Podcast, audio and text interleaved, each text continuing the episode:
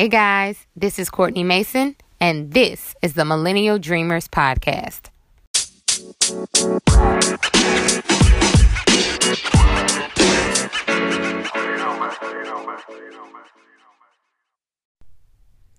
Good morning. I hope all is well wherever you are, where you're listening in.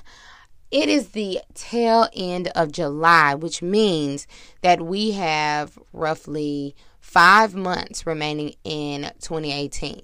So that gives us five months to reevaluate some of the goals that we set at the start of the year, the ones that we wrote down, which we all should write down our goals so that we can keep track of it and have record of it. But we can look at those goals and really see how far we have come or how much more work that we need to do, right? So we have plenty of time. I think five months is a really good time if we really focus on what we want to do. Um, and the way that we can go about achieving our goals is if we break some of the habits that are holding us back. A few Sundays ago, I think I can I think it was like two Sundays ago, I went to church and if you're wondering, I'm a Christian. So I went to church and I heard this message that really applies to anyone, regardless of your faith, um, because it's all about improving yourself. So as I wrote notes down, I was like, this is a great topic, one that I'd love to share on the podcast because anyone from any walk of life can listen to this message, apply it to their life, and see improvement right? So the message was all about breaking bad habits. And I don't know a single person that would not benefit from information on how to break a bad habit because even the most successful people have behaviors that they would change, but they know that it's going to take more than just willpower to change a habit, right? You have to be disciplined um, enough to do the work or um, consciously correct that undesirable behavior, right? So, just keeping it short and simple. There are a number of ways. Uh, there are, you know, very, very smart psychologists who have done tons of research on this topic. I am not a psychologist, but using the information and just kind of expounding on it that I heard while in church and then also doing my own research. These are some things that you can do to kind of start to um, change your thoughts initially, but then also to um, have some action behind that. So we'll get to an action plan at the end of this episode. So, first, the first thing we're going to do is that we're going to use the acronym TRAIN. In order to break a bad habit, we have to train, right? So, using the letters of the word train, we're going to start with T. And the first thing is to think the right thoughts. Have you ever heard the saying that thoughts become things? And that's true. It applies to everything in our lives because we manifest what's in our minds, whether it's good or bad. We what we think in our minds become our reality. So if you really want to change your actions, you're going to have to change your thoughts. You can't think negative thoughts um, and think that you're going to get an, a positive outcome, or you can't think about something that you don't want to do. So you can't always think about like, oh, I want to eat a million chocolate chip cookies if you know that you have a problem um, with, you know, your sh- sugar levels or you know you have high blood pressure or whatever it is. Anything that you know is not beneficial to you and that you need to change. You don't want to think about that that um, poor behavior or poor habit. You want to think different thoughts. So that's the first thing T is for thinking the right thoughts. Secondly, is the letter R. You want to recognize that a change is reachable, meaning it's possible to stop whatever the counterproductive behavior is that you're engaged in, no matter what it is. This is all about adopting an optimistic mindset. You cannot change anything by being pessimistic and negative and not thinking that it's possible. Right? You have to truly believe that you can change. So it's possible to stop smoking. It's possible to stop being late. It's possible to stop filling the blank, whatever your habit is. So those are the first two things. Think the right thoughts and recognize that a change is reachable. It's attainable. You can do that. You can change your behavior.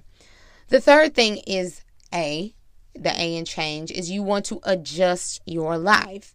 You cannot change a bad habit by doing the same things you've done in the past. That is what we say, or the definition of insanity is doing the same thing over and over and expecting a different outcome. It's not logical, it's not realistic. You have to adjust your behavior and adjust your life to get your intended results, your desired results. So you have to distance yourself from people that will cause you to slip back into your bad habits or that will trigger you to do the things that you don't want to do. So if you have a spending problem, for example, don't call your best friend or your good girlfriend or guy friend that also has a spending problem and say on a Saturday when you don't have anything else to do, let's just go by the mall and just, you know, walk in a few stores and just see what they have because you know that's a trap that's a trigger because there will be a store that will have some type of deal that will convince you that because you get 15% off um, this one purchase that it's a great deal when it's really not. Because if you never went to the mall you won't spend anything as opposed to spending um, a lesser amount of whatever their original price is. So you want to distance yourself, and it doesn't mean you have to eliminate people out of your life entirely. It could be your mom that you know that you have this problem with, or it could be your you know aunt or your like I said your best friend or anyone. Um, you just need to know what your bad habit is and what actually triggers that thing or who triggers it and start to change your behavior associated with that um, so that you won't put yourself in a position to fall back into those habits. Secondly, or no, this is not secondly, this is the fourth thing. This is we've done TRA, this is the I in train. You want to involve other like minded people. So surround yourself with people who are doing what you want to do or behaving in the way that you want to behave because these people will hold you accountable. If you tell someone that does really well with um, eating healthy and um, they just have a good discipline when it comes to not overindulging and not going to the grocery store and buying a bunch of junk food. They will say, Listen, I will go tell them that you have this bad habit and you want to do better and ask them to hold you accountable. And then they might say to you, okay, let's go grocery shopping together. So we, you know, what you purchase at the grocery store is what you'll have in your house and you're not bringing in other things, right? Surround yourself with other like minded individuals. Lastly, the end in train is that you never want to stop, right? You have to keep going until you have changed that behavior. It will not be easy, it will not be comfortable, but you have to have some fight in you to keep going. Because as the saying goes, when the going gets tough, the tough get going. So you have to make sure that when it's uncomfortable, when it's difficult, you still are putting in a fight. Even if you fall off the train um, or you um, do something that still falls in line with that bad habit, it's okay. Start over. You can start over and say, nope. I'm going to do it. I've committed myself. I will change this behavior because it's necessary for me to get what I want to get out of life. So, with that said, psychologists have told us um, that it takes 21 days, so about a month roughly, even less than a month, to, to form a new habit. So, in order to break our bad habits, what we're going to do is work to create new habits that serve us. So, here comes the assignment. Yay, assignment. I'm a visual person, so anytime I give an assignment, it's usually going to consist of writing things down, right? So what you can do is create a T chart, two column a two column T chart. On one side, on the left side, you're going to write bad habit. On the right side, you're going to write desired habit. So left is bad habit, right is desired habit. And what you will do is like you'll just like just like bullet points. You want to write out whatever your bad habit is. It could be something as small as um, nail biting to something as egregious as um, when you get angry, you you know hurt people emotionally or physically or something. That's a habit that you definitely need to change. You want to write that down, whether it's small or it's big. Bullet point. Just go down the line, writing out what those bad habits are. And so in the once you've done that in the left hand column, you want to go to the right hand column beside each one, write out what your desired habit is. So if you have a problem with um, your anger, then you want to write out, I want to find healthy ways to um, deal with conflict or I want to have better conflict resolution skills. If you know that you're a smoker and you want to kick your habit of smoking, then say I want to be smoke free. That's a desired habit.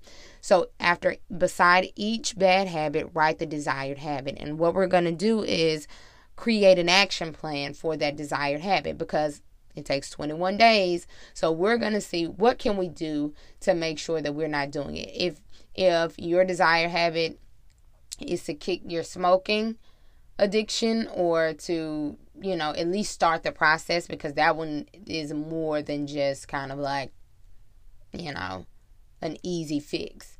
Um, you want to just at least it will help you to start the ball, get the ball rolling. So you would say, okay, to get to the point where I want to be smoke free, I'm going to scale back the number of cigarettes that I smoke a day from five to two within the first week then I'm going to scale it back from, you know, I'm going to try smoking, you know, maybe only once. And maybe after I eat, whatever it is, you know, something that you know realistically that you can do to help you to gradually get to your intended outcome. If you have a problem biting your nails when you read or watch TV, and your desired habit is to find better use of your hand when you or find a better way to concentrate because that's just the way for you to concentrate.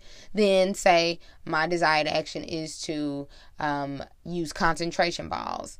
Um, i'm going to use concentration balls every time i read and every time that i watch television for the next 21 days. Then you will have replaced likely you will have replaced that bad habit with using something that's going to help you you know, use your hands in a different way. So those are just examples. So that's the assignment that's going to help us get to better behavior that will help us um, quit the things that we don't want to do that no longer serve us, that prevent us and hinder us from our goals, um, and and replace that behavior with things that are better suited for us. So with that said, I hope that's a short one. I don't know how long it was, but I'm trying to start to shorten these up so that you can digest it quickly, apply it, and move forward. So I hope this one is useful for you.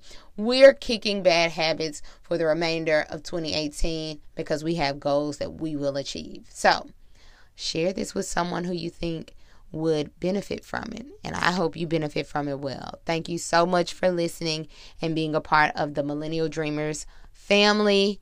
Hope you have a great week. Talk to you soon. Peace.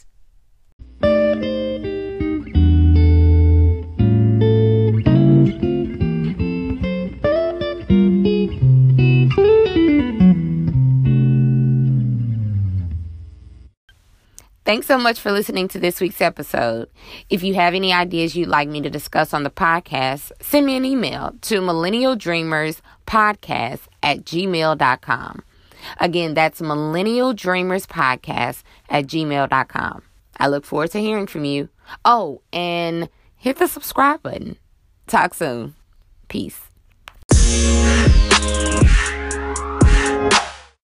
The podcast you just heard was made using Anchor. Ever thought about making your own podcast? Anchor makes it really easy for anyone to get started. It's a one stop shop for recording, hosting, and distributing podcasts. Best of all, it's 100% free. Sign up now at anchor.fm slash new. That's anchor.fm slash new to get started.